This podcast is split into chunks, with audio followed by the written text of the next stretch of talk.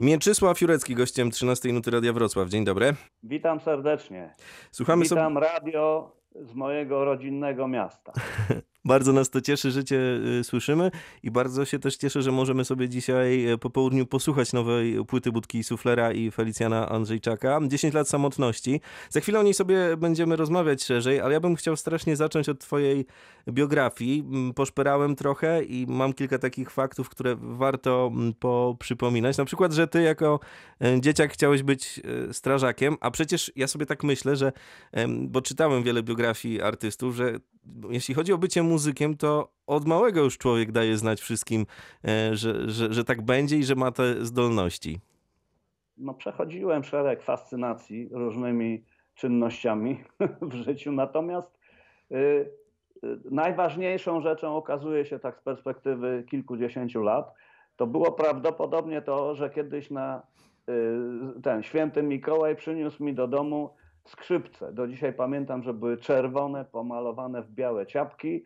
Miałem upaćkany potem kalafonią, yy, miałem ręce upaćkane kalafonią, bo to tam smyczek był taki z końskiego włosia jeszcze. Yy, I to zaważyło. To, że w pierwszej klasie szkoły podstawowej numer 55 we Wrocławiu i obok tam niedaleko na ulicy Teatralnej chyba była ochotnicza straż pożarna, tam poszliśmy na wycieczkę jak zobaczyłem, jak goście zjeżdżają na rurach, w, tam jakiś sygnał i tak dalej, to po prostu to zadziałało bardzo na moją wyobraźnię. Natomiast na szczęście potem wróciłem do domu. To trwało, nie wiem, parę tygodni i bardzo chciałem być strażakiem, ale pamiętam to dzisiaj, e, do, do dzisiaj i y, nawet jak teraz jedzie jakiś wóz straży pożarnej gdzieś po ulicy, najlepiej na sygnale, to ja sobie to przypominam, że ja też chciałem być strażakiem. Ty jesteś też oczywiście z muzykalnej e, rodziny. Ojciec działał w chórze kościelnym, rodzeństwo też e, było muzykalne. Były takie też wyścigi u was, kto będzie lepszy? To akurat w kościele Bożego Ciała, czyli przy ulicy Świdnickiej, myśmy, to była nasza parafia i Y, no i tam co niedziela podczas mszy świętej w chórze dziecięcym śpiewałem. Mój ojciec śpiewał w chórze dla dorosłych. Potem ja też śpiewałem przez chwilę i moje rodzeństwo. Natomiast y, jeżeli chodzi o zawody, znaczy ja miałem trudniej, ponieważ ja byłem najstarszym dzieckiem w rodzinie, nas była czwórka i jako najstarszy to ja robiłem różne eksperymenty, a moje rodzeństwo już widziało, czy się opłaca je robić, czy nie. Akurat co jest dobre, a co niedobre. Ja jeszcze nie wiedziałem.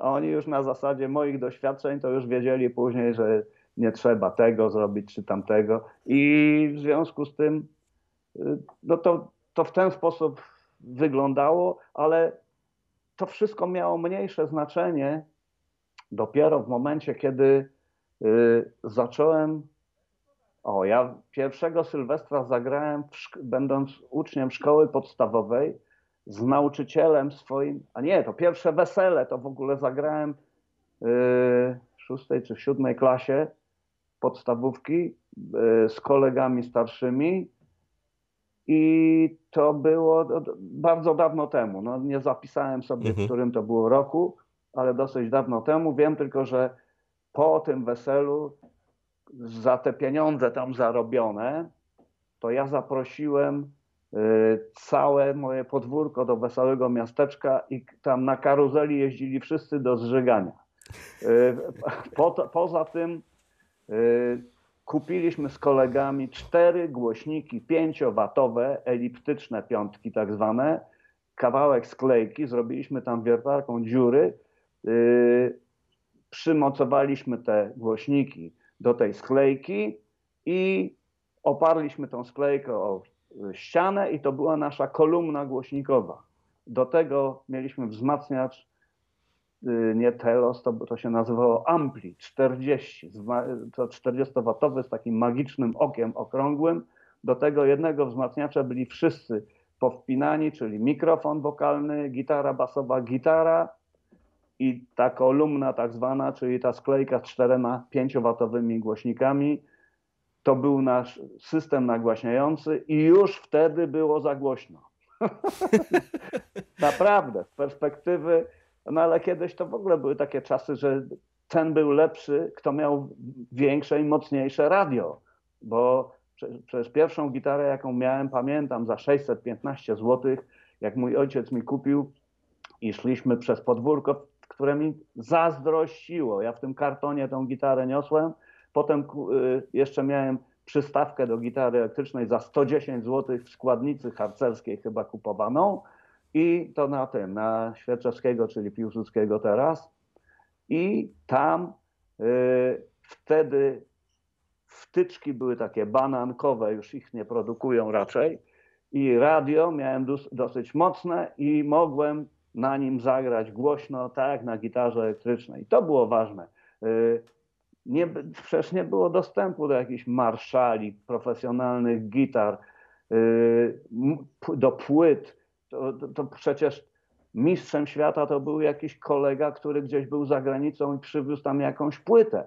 Y, to była słuchana do zdarcia, ale podstawą wiedzy o muzyce to y, było radio Luxemburg i Willis Conover to z jazzem, ale i tam nie można było powtórzyć nagrania, żeby posłuchać, jak to ktoś tam coś zagrał.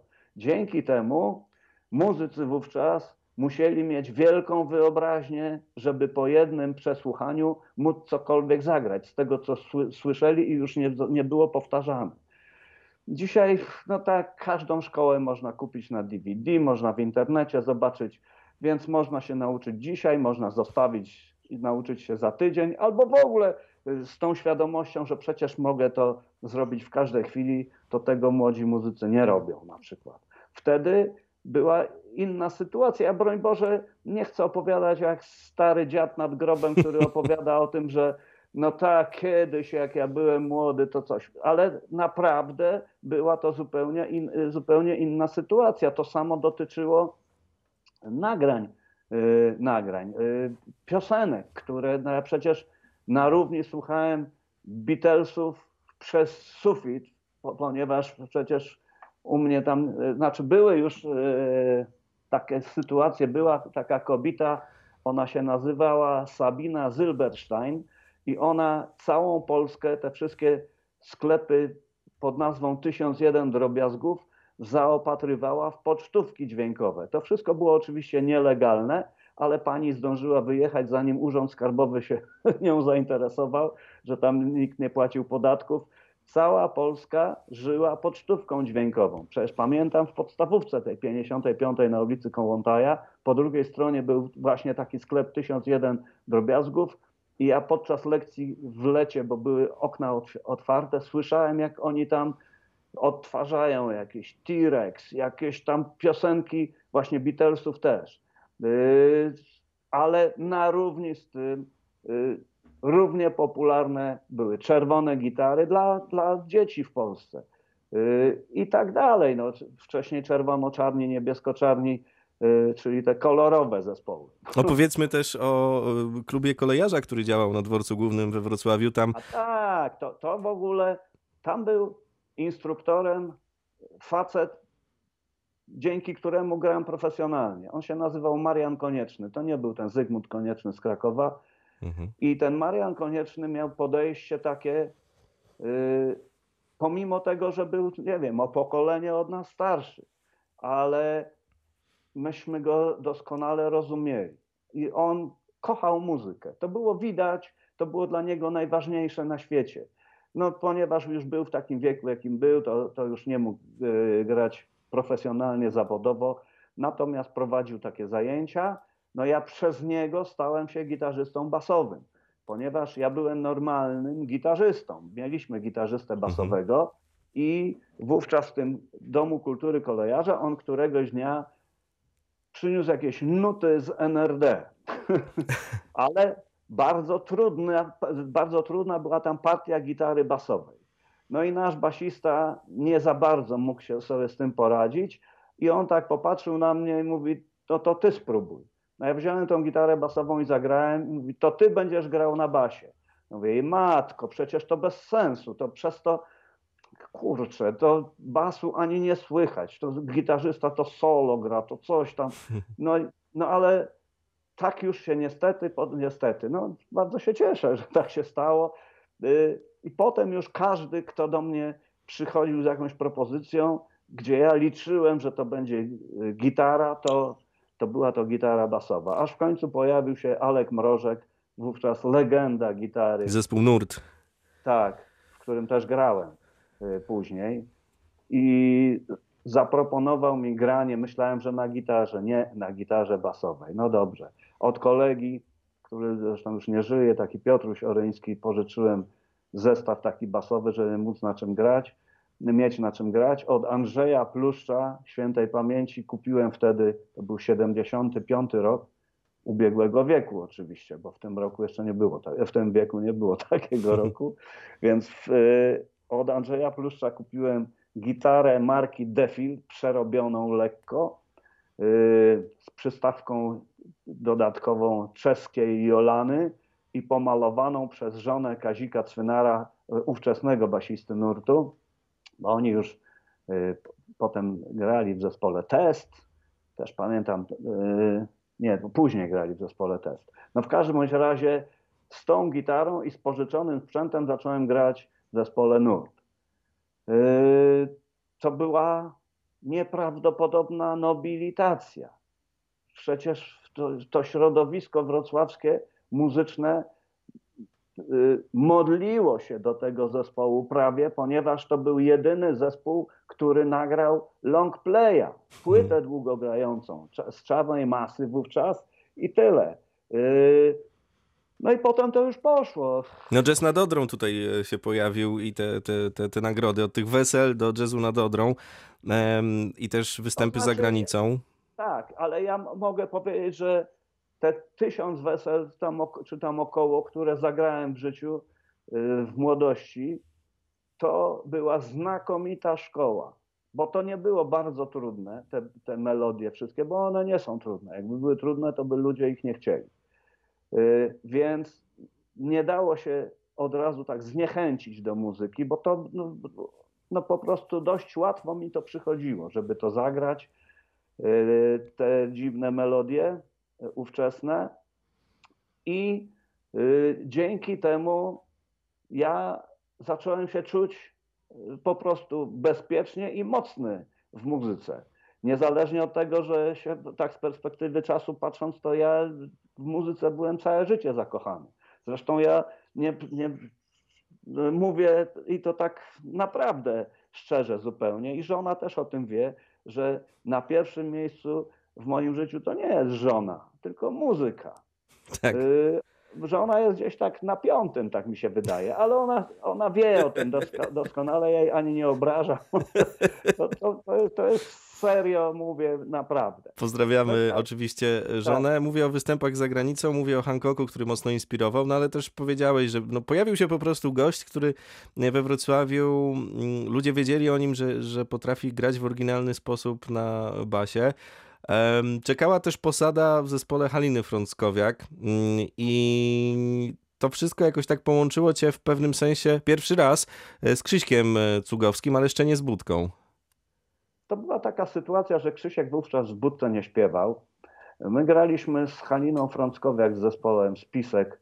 E, to, to byli muzycy z Wrocławia i sekcja denta, nie przepraszam, trębacz był z Gdańska, no w każdym bądź razie to już był zespół ogólnopolski. Myśmy mieli tam jakieś nawet przeboje, to jakoś wyglądało w sumie e, z tym, no, no i te programy telewizyjne z tą Haliną. Gdzieś nawet chyba Kuba Góralski, który mieszka w Waszyngtonie, a który e, grał tam na instrumentach klawiszowych, on to gdzieś powkładał do YouTube'a i tam są te programy telewizyjne.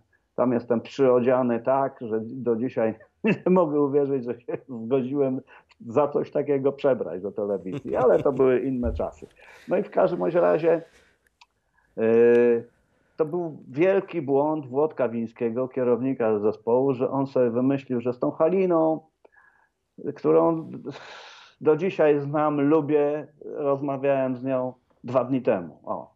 Więc postanowił, żeby zamiast Haliny wziąć do zespołu kogoś, kto ma, nie wiem, mocniejszy głos, in, inne zapatrywania. A, ja tam grałem z Jackiem Szaklewskim między innymi w tym zespole. Mhm. Z Jackiem w ogóle grałem kilkadziesiąt lat w różnych składach. Od Ireny Santor, Marii Kotepskiej właśnie do, do spisku. Yy, potem przecież graliśmy w Perfekcie jeszcze, ale to mniejsza z tym.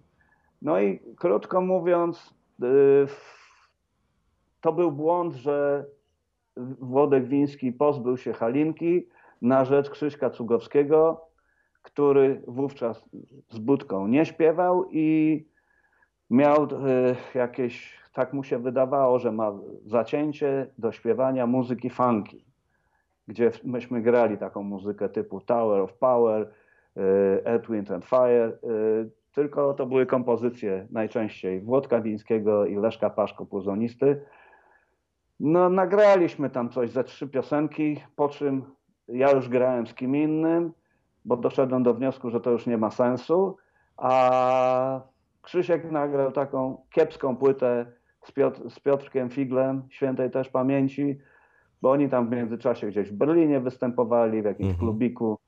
No i to tak, było to ogólnie dość bez sensu, no ale, ale się poznaliśmy z Krzyśkiem i tyle. No po drodze właśnie pojawiła się Irena Santor, y, pani Koterbska, y, byłeś też w orkiestrze Alex Band i gdzieś tak mniej więcej w 81 roku y, Lipko stwierdził, Romuald Lipko stwierdził, że mm, zaprosi cię do budki suflera. No i trzeba było zacząć jeździć do Lubina. Lublina, przepraszam. No to, tak, no ja w Lublinie raz byłem wcześniej w życiu, kiedy grałem z Ryszardem Walbertem Miśkiem. Kurczę, oni wszyscy nie żyją.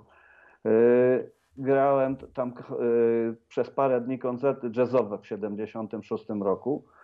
Yy, Zresztą dzięki temu trochę szybciej skończyłem studia na Akademii Ekonomicznej, bo miałem do wyboru albo egzaminy po sesji zdawać, albo na koncerty jechać. Oczywiście wiadomo, że na koncerty, no jakie to egzaminy są ważne ale to mniejsza z tym. No i y, wówczas y, przyjechałem tam. Myśmy się spotykali wcześniej w tych samych hotelach, w tych Mhm. samych miastach, ze względu na to, że oni grali koncerty właśnie z, z Izą Trojanowską wówczas. Ja tam grałem gdzieś tam właśnie z Santorową, czy z Koterską, czy też z, z innymi wykonawcami. O, wtedy y, jakoś już ten, jeszcze Perfekt się nie nazywał Perfekt, ale też Hołdysa widziałem. Nie, to Dzikie Dziecko się nazywało i tam Czystaw śpiewał, który zresztą też później... Tak. y, No myśmy, tam cała branża się spotykała, zresztą tak samo było, nie to w ogóle festiwale opolskie na przykład, to zupełnie inaczej wyglądały niż dzisiaj. Ja, ja tam grałem ile tam, no, jeszcze tam parę lat temu y, kilka razy, to po prostu nie dało się uwierzyć. Myśmy tam, cała branża y, wyglądała w ten sposób ponieważ była to komuna głęboka i były tak, za koncerty były tak zwane stawki, czyli 400 zł równowartość trzech butelek wódki za koncert. Niezależnie od tego, czy na stadionie, czy, z piwnicy, czy w piwnicy z węglem dla pięciu osób, to tyle się należało. Więc nie było słowa konkurencja, bo o co konkurować? O te 400 zł z kimś, z Marylą Rodowicz, więc w Opolu, jak był festiwal polskiej piosenki, spotykaliśmy się wszyscy y, w hotelu Opole. Tam balangi trwały do rana.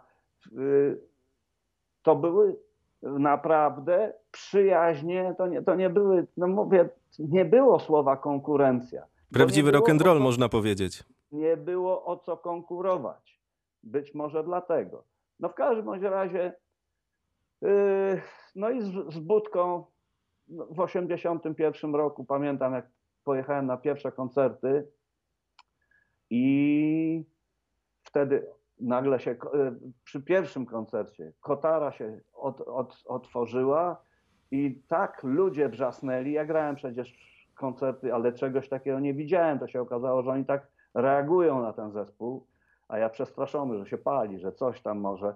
No w każdym bądź razie później yy, tam zagraliśmy na Śląsku, to było, zagraliśmy 90 koncertów w 30 dni, po czym były dwa tygodnie przerwy, pojechaliśmy do Poznania, zagraliśmy tam w Poznaniu w kinie Grunwald y, i w okolicach kolejny miesiąc. Supportem był dla nas nowo powstały zespół Lombard Mhm. wtedy. No i, i tak dalej. Potem, potem na Wybrzeże, Gdańsk, Gdynia, Szczecin, ten, y, Gda- Gdańsk, Gdynia, Sopot. Ale w końcu Elbląg znudziły cię te tak proste dalej. piosenki grane z budką i Tam, y, ale pierwszy raz odszedłeś. za chwilę. Tam przeżyłem wejście stanu wojennego, po czym y, no potem pojecha, pojechaliśmy i do Holandii, gdzieś tam, no Mhm. mniejsza z tym. Y, W, siedem, w 84 roku już zaczęło mnie to męczyć. Ja, y, ponieważ wygrałem i festiwal Jazz nad Odrą i dostałem nagrodę indywidualną dla najlepszego basisty i Mhm. jakieś tam inne rzeczy. Do dzisiaj połowę płyt, jakie mam w domu, to są płyty jazzowe. Ja kocham tą muzykę, ponieważ ona jest skomplikowana. Ja lubię wyzwania. No i zaczęło mi brakować tego podczas grania z budką. To pamiętam, jak gdzieś to byliśmy na, na plaży, gdzieś tam na, na, wybrzeżu, gdzieś wieczorem kolejne koncerty i, i nagle ktoś y, w takim tranzystorowym radioodbiorniku miał włączone, y, włączoną muzykę i tam grał y, Keith Jarrett z, z Garbarkiem z płyty Belonging, rewelacyjna zresztą. No i ja mówię, co, co ja tu robię, jak ja tamto kocham tak bardzo. No i potem właśnie y, i Zbyszek Lewandowski, i, i Alex Band, i, i tam w, i z Piotrkiem Baronem, i gdzieś, no po prostu ten jazzy. No ale San Sebastian między innymi, gdzie zagrałeś przed swoją Tak, ulubioną tak. kapelą. To prawda. No przed Weather Report to też pamiętam do dziś. To, to pamiętam taką sytuację. Jurek Kaczmarek, pianista, y, znakomity, który zresztą wygrał konkurs kompozytorski w Monte Carlo, y, jazzowy. On y, poprosił mnie, no bo myśmy grali przed, przed nimi. Mhm. Mówi, chodź Mietek, ty znasz angielski, a tam u, u Zawinula na, na klawiszach leży jakaś kartka i on myślał, że tam na tej kartce jest ta tajemnica ta jego, jego grania. No i ja tam poszedłem z nim i tam patrzę, a tam na kartce C-dur, D-dur. Nie chciało mu się nauczyć po prostu jakiegoś utworu, a mój kolega miał po prostu minę, tak osłupiał, bo myślał właśnie, że tam, że odkryje, że zaraz będzie ta recepta na to, w jaki sposób ten zawinul tak pięknie gra. Zresztą zagrali powalający koncert. No, do dzisiaj to pamiętam. Ale budka działała trochę jak magnes y, i, ten No powrót... nawet nie o to chodzi. Po prostu ja w międzyczasie y, ten, ożeniłem się.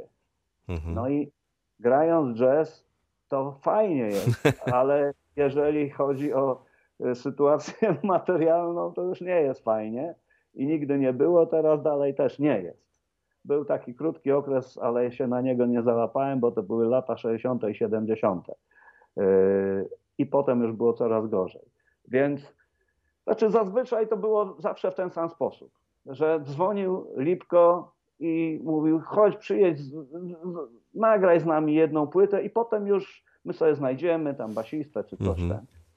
Ja tam przyjeżdżałem, bo on wiedział, że ja po prostu biorę gitarę, basówkę, programuję bębny, gram na klawiszach, na wszystkim i, i że to szybko idzie wszystko.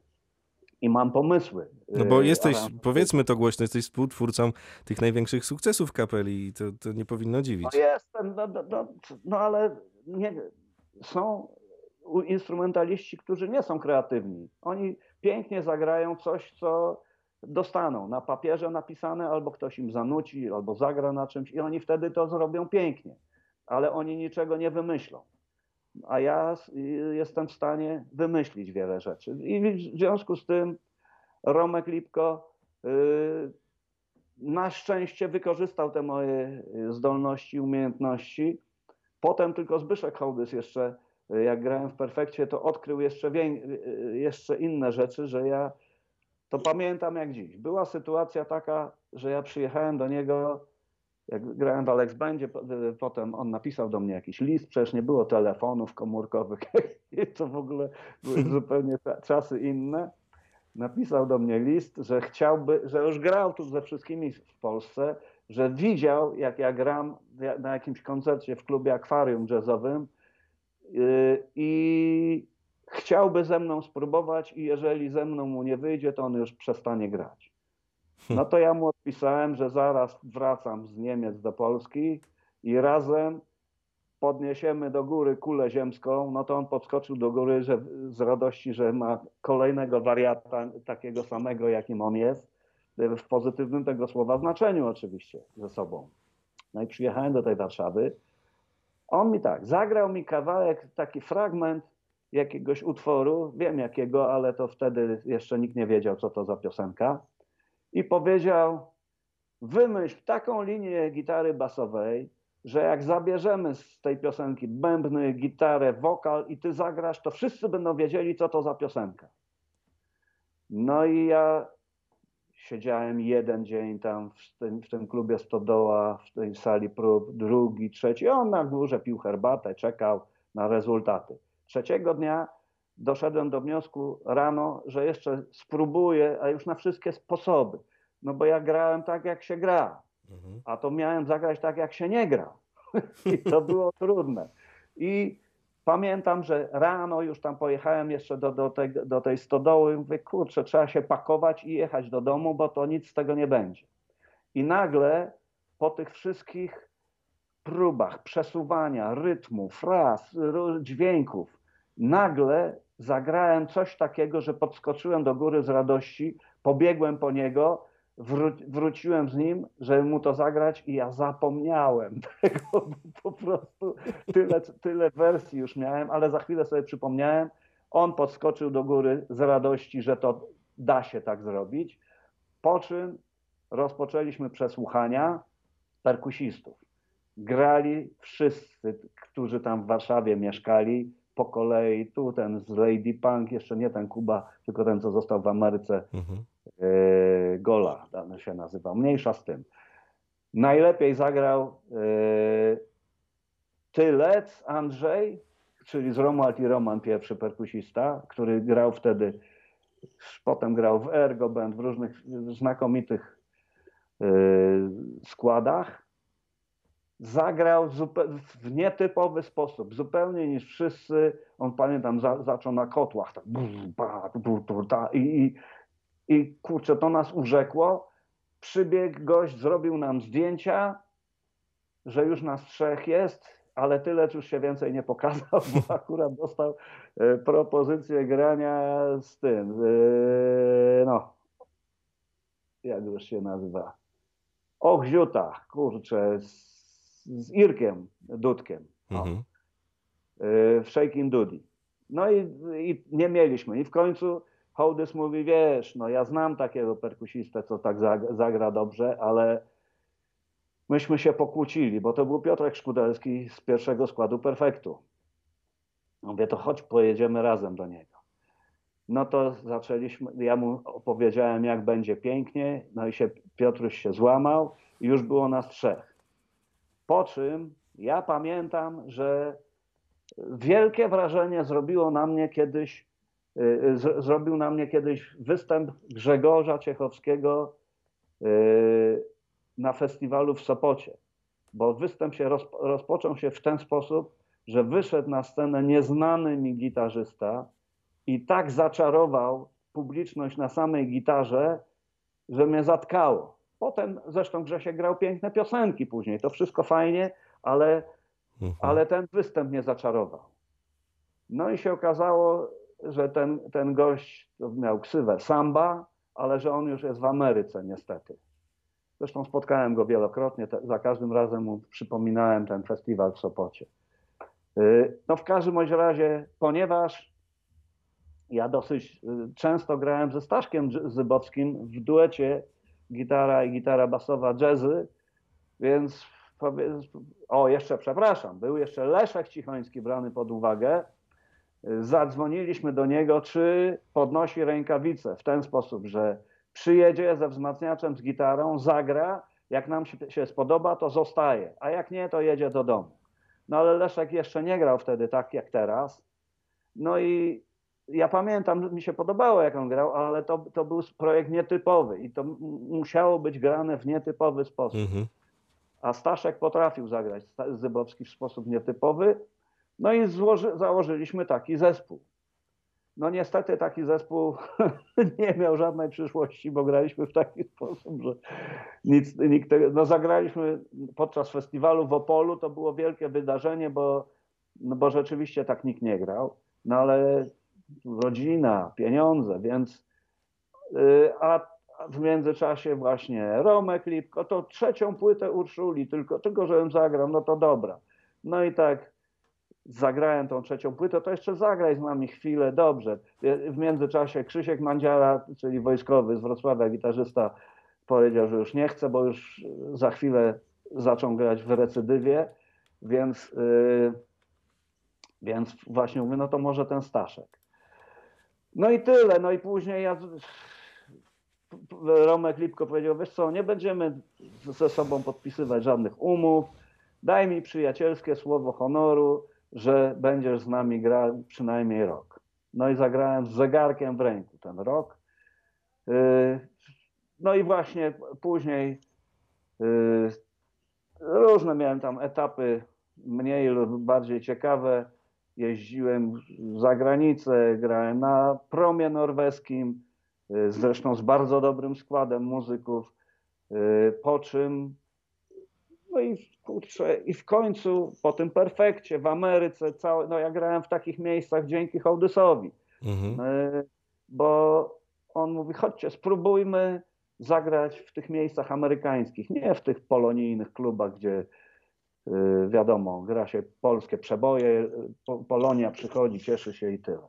Graliśmy w nieistniejącym podobno już CBGB, tam gdzie wszystkie zespoły, które przyjeżdżały do Stanów po raz pierwszy, to grały właśnie po tych, w, ta, w takich miejscach. Zresztą czytałem taką książkę o ACDC i tam oni dokładnie w tych samych miejscach grają. Los Angeles, Whiskey a Go-Go, właśnie CBGB z Nowym Jorku, San Francisco, w tym, y, nie pamiętam, mniejsza z tym. W tych samych miejscach graliśmy, ponieważ po pierwszym koncercie w CBGB yy, przyszło, podeszło do nas takie małżeństwo żydowskie, że oni chcieli być, być naszymi organizatorami koncertów i tak dalej.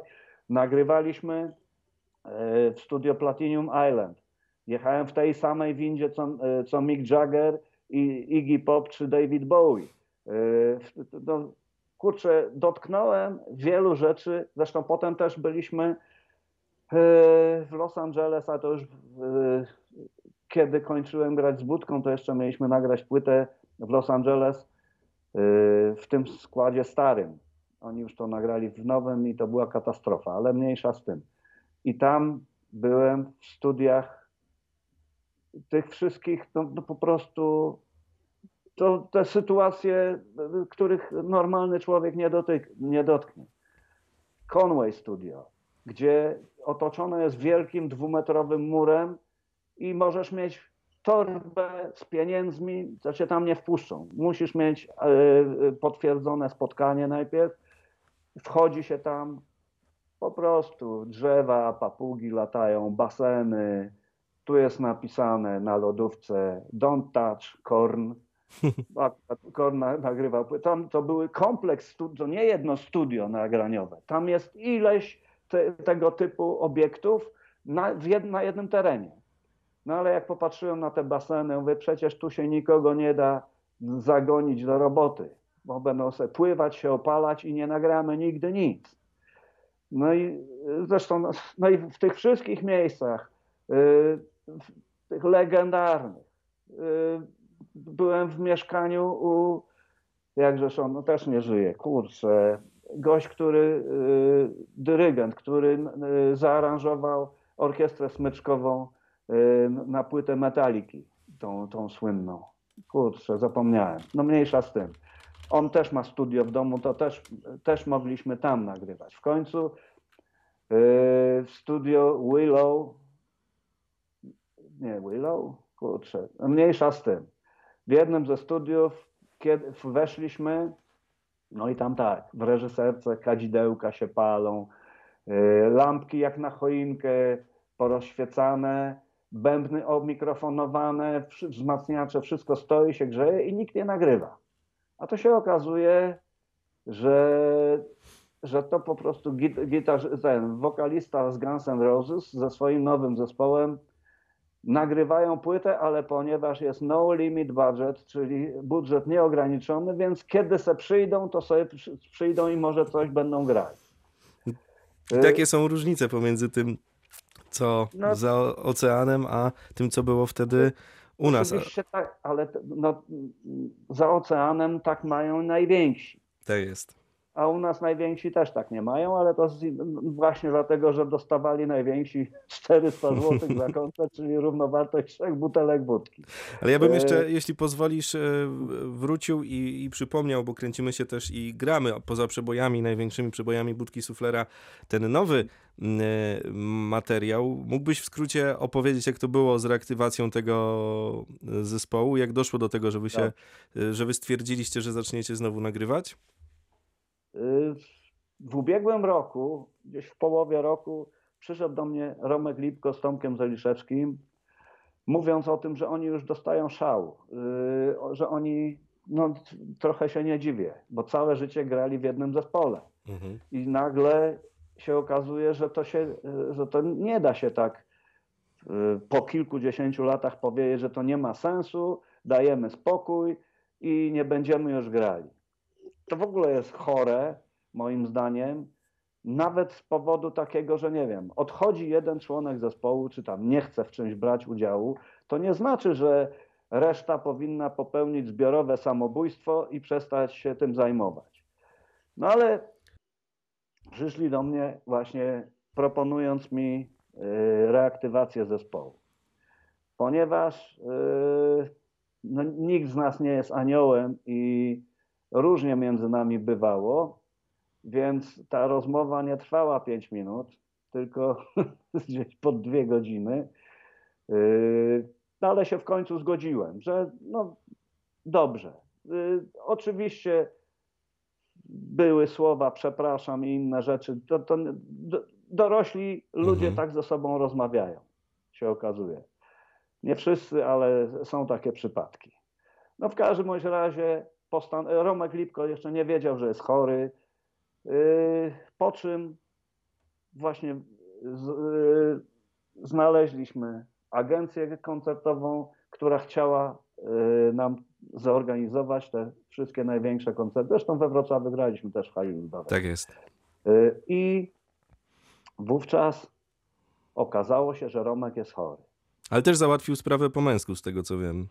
No, przyszedł, powiedział: Słuchajcie, jestem chory, mam raka. Na razie y, nic takiego nie dzieje się, że nie będę mógł grać, czy, czy nie możemy nagrywać.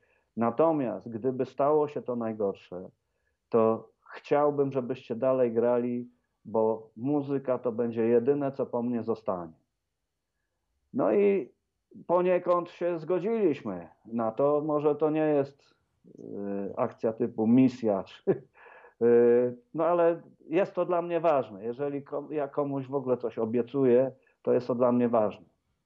No ale wówczas zagraliśmy te koncerty. Ja jeszcze mu mówiłem, ty zejdź ze sceny, tam był drugi klawiszowiec, zejdź ze sceny, jak się źle czujesz. On mówi, co ty, to adrenalina, to mnie trzyma przy życiu, a myśmy grali po trzy godziny te koncerty, bo mhm. i z Ulką, i z Izą Trojanowską, i z Felkiem Andrzejczakiem, i z Robertem Żarczyńskim, to się trochę tych no przecież myśmy przez kilkadziesiąt lat nagrali trochę przebojów i trzeba było te przeboje zagrać, żeby nas nie obrzucili cegłami. No w każdym razie yy, zagraliśmy to, po czym no już się okazało, że Romek musi iść do szpitala, że musi, że tu coraz gorzej.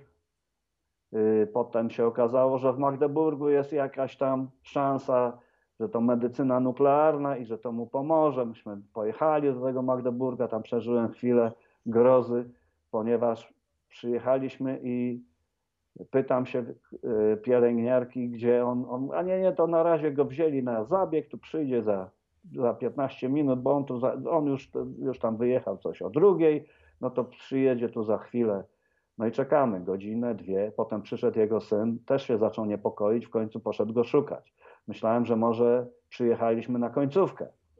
No się okazało, że go gdzieś tam wzięli na jakieś przetaczanie krwi gdzieś gdzie indziej, no ale już, już się przestraszyłem i już Mhm. musiałem zacząć brać to poważnie pod uwagę. Yy, W każdym razie miałem to szczęście, że w momencie, kiedy yy, on jeździł na jakąś chemioterapię do Warszawy, yy, ja wziąłem go do auta, akurat byłem w Warszawie też i wiozłem go do domu z powrotem i wtedy w tym aucie przeprowadziliśmy taką rozmowę, ż- żałowałbym do końca życia, yy, gdyby tej rozmowy nie było.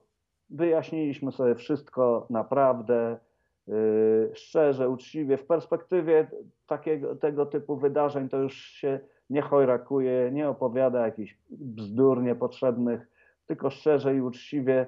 I no w ten sposób, zresztą myśmy byli do niego, ja przecież nagrywaliśmy piosenki. Chodziliśmy do niego codziennie do szpitala. Ja ze swoim telefonem komórkowym od, odtwarzałem mu postępy prac nad piosenkami, jeszcze na płytę z Robertem Żarczyńskim. I zresztą dwie piosenki są tam gdzieś w internecie. I po prostu on jeszcze opowiadał, że tutaj coś zaśpiewał, że to inaczej chciał, że, że coś tam. No i niestety stało się. Yy, odszedł od nas Romek, po czym yy, no, w na pogrzebie zagraliśmy czasołowiu. Do zobaczenia w internecie zresztą, te wzruszające Tak. nagranie. Ja nigdy z tak ściśniętym gardłem nigdy nie zagrałem. Nigdy. Czego, no ale, no bo to jest świadomość tego, że obok stoi trumna yy, z ciałem kolegi, a my gramy jego piosenkę i po raz ostatni. Yy, no i też spotkałem się pierwszy raz w życiu, może, bo może, może gdzieś tak jest. Kiedy wyprowadzano yy, trumnę z katedry, to cały, wszyscy ludzie, którzy przy, przyszli go pożegnać i w katedrze, i na zewnątrz, bo tam były telebimy, bo tam kupa ludzi przyszła, ileś tysięcy osób. I wszyscy ci ludzie bili brawo. Zatkało mnie to. Trumna jest prowadzona, a oni biją mu brawo. Kurczę. Duże wrażenie. No w każdym bądź razie yy, potem no musieliśmy się pozbierać po tym wszystkim. Doszliśmy do wniosku, tak jak mówiłem wcześniej, że to, że ktoś odchodzi, to nie oznacza, że reszta powinna popełnić samobójstwo i przestać grać na przykład. Więc poszedłem do niego do domu. Od jego żony Dorotki pożyczyłem laptopa, w którym wiedziałem, że on ma ileś swoich pomysłów muzycznych niezrealizowanych. To trwało parę dni, bo tam był niezły chlewik w tym, w tym laptopie. Natomiast y, powyciągałem utwory, które wyda- których nigdy nie słyszałem. Y, Nawet stworzyłem jeden folder, w którym są tylko propozycje muzyczne, które powstały w momencie, kiedy Romek jechał autem i coś nucił do dyktafonu. I to też są fajne rzeczy niektóre. Po czym y, z tym całym materiałem muzycznym i z Tomkiem Zeliszewskim pojechaliśmy do żony i do syna Romka, bo przecież ja nie znam wszystkich jego piosenek i odtwarzaliśmy te piosenki im, pytając, czy ktoś to już nagrał, żeby się coś nie powieliło. No i w ten sposób zostało kilkadziesiąt piosenek Romka, yy, który, yy, który, które po prostu postanowiliśmy nagrywać. Jeszcze w ubiegłym roku, podczas tej trasy koncertowej, gdzie gościem był też Felek Andrzejczak, pewnego dnia usiedliśmy we czwórkę, tak w zasadzie przypadkowo, czyli yy, we czwórkę, czyli ci, którzy nagrywali Jolkę, między innymi, czyli Tomek Zaliszewski, Romek Lipko, Felicjan Andrzejczak i ja. I doszliśmy do wniosku, że to wstyd, żeby Felek nie miał nagranej płyty z zespołem. A przez kil, kilkadziesiąt lat temu, przecież w 82 roku nagraliśmy tą Jolkę, Czasołowiu i, Tak i. Noc komety. I, I po prostu tam była sytuacja, że chcieliśmy mu nagrać płytę, ale wtedy tak się stało, że y, Romek, znaczy, to, tak, Felek nie za bardzo był tym zachwycony. My też nie, bo tak słu- słuchaliśmy tego, że to do niego i do jego głosu trochę nie za bardzo przystaje. No i daliśmy spokój. Po czym przez kilkadziesiąt lat on jeździł z nami jako zaproszony gość na koncerty. no przecież jeszcze w 2014 roku y, na, na tym, na przystanku Woodstock, gdzie 700 tysięcy dzieci, których nie było na świecie, jak myśmy tą piosenkę nagrali, śpiewało z nami. Znaczy, to jest, y, to jest znakomite uczucie, że człowiek sobie zdaje sprawę z tego, że nie zmarnował całego życia. A dzisiaj możemy dzięki temu jeszcze więcej wycisnąć z budki suflera i dzięki tym opowieściom zrozumieć też kontekst, bo te 10 lat samotności, ta płyta, której dzisiaj po południu sobie słuchamy w Radiu Wrocław, to właśnie jest takie, te, taki trochę hołd, ale też takie trochę mm, udowodnienie, że zespół muzyczny to jest coś więcej e, niż, e, niż tylko jakaś ekipa, która jeździ i gra koncerty, ale to są też osobowości, które w taki sposób jak wy potrafią zostawić po sobie ten muzyczny ślad. Mietku, ja bym mógł cię słuchać... Ale, ale to jeszcze momencik, bo to a propos tego, co powiedziałeś, to rzeczywiście, bo dzisiaj to są tak zwani jobiarze w, długie, w dużej ilości, że przyjeżdżają na joba tak zwanego, tak. czyli do pracy. Tak. Gdzieś dostaje jakiś kawałek papieru, z którego ma zagrać albo czegoś się miał nauczyć, zagrał i on nie ma żadnej więzi tak. z tymi współwykonawcami. A tak, Romek Lipko był świadkiem na moim ślubie. Tomek Zeliszewski jest ojcem chrzestnym mojego dziecka. No ja jestem przecież ojcem chrzestnym e, córki Marka Raduli i tak dalej. To były wręcz rodzinne sytuacje również. Przecież robiliśmy jakieś przyjęcia, zapraszaliśmy się nawzajem. Zresztą do dzisiaj przecież z Tomkiem Zeliszewskim, zresztą mieszkamy w linii prostej ze 300 metrów od siebie, więc to nie jest trudne. Zresztą jego bębny stoją w moim studio. E, także to jest zupełnie inna sytuacja niż my nie jesteśmy w pracy. To jest moje życie. Muzyka to jest moje życie, to jest najważniejsza rzecz, którą robię i którą się zajmuję. Także to jest bardzo istotne. I teraz y, jeszcze a propos tego, tej płyty. Te 10 lat y, samotności, nie mówię, napisał teksty i Zbyszek Hołdys, i Bogdan Olewicz, i Jacek Cygan, Marek Dudkiewicz, który Jolkę napisał, Andrzej Kuryłok z Wrocławia zresztą, który przez kil, kilka płyt Felkowi napisał w międzyczasie, jego solowych. E, Jacek Cygan, który napisał wzruszający tekst taki e, na ostatni, ostatnią piosenkę z płyty, gdzie ostatni refren dla Romka śpiewamy my wszyscy, którzy go znaliśmy. E, no i Tomek Zeliszewski oczywiście, który zresztą wiele hitów napisał, oprócz tego, że jest perkusistą. Tak, napisał teksty do, do, do wielu piosenek. No więc nie było najmniejszych wątpliwości, jest ze strony autorów tekstów, że oni, że oni, że, no bo przecież ich trzeba przekonywać, bo im się nie chce, bo po co i tak dalej. A tu się udało. W tym, w tym wypadku to nie był problem. Y, w międzyczasie zastanawialiśmy się, jak ta płyta powinna wyglądać. Y, oczywiście od dawna orientujemy się, że jest XXI wiek, 2020 rok, a nie 1980 Y, i inne kanony obowiązują. Oczywiście ten zespół nigdy nie podążał za jakimiś modami, w związku z tym nie gramy rapu i innych rzeczy, czy heavy metalu i tak dalej. Natomiast yy, chcieliśmy, żeby ta płyta była zróżnicowana. Przecież zespół Budka Suflera nigdy nie zagrał piosenki reggae wcześniej. Yy, chcieliśmy też jednocześnie nie przejmować się specjalnie jakimiś Y, kryteriami, które stosują różne media, że nie wiem, pierwsza zwrotka musi wejść po 8 sekundach y, utworu, wstępu, bo inaczej to już nie będziemy wam tego puszczać. Że piosenka nie może mieć więcej niż 3,5 minuty, bo inaczej wam tego nie puścimy. No to przecież gdyby tacy goście decydowali kiedyś o muzyce, to nie byłoby Led mhm. Zeppelin, Pink Floyd i tak innych jest. zespołów. Y, dlatego jak widać, my się zupełnie nie przejmowaliśmy tymi norma, normami z mediów. My mamy swój elektorat. To jest nasza publiczność, która od kilkudziesięciu lat przychodzi na nasze koncerty, wychowuje na tej naszej muzyce dzieci swoje, yy, mają w domach nasze płyty, mają również, a jak nie mają, to za chwilę będą mieli, pod choinką znajdą kolejną płytę naszą, te 10 lat samotności i tyle.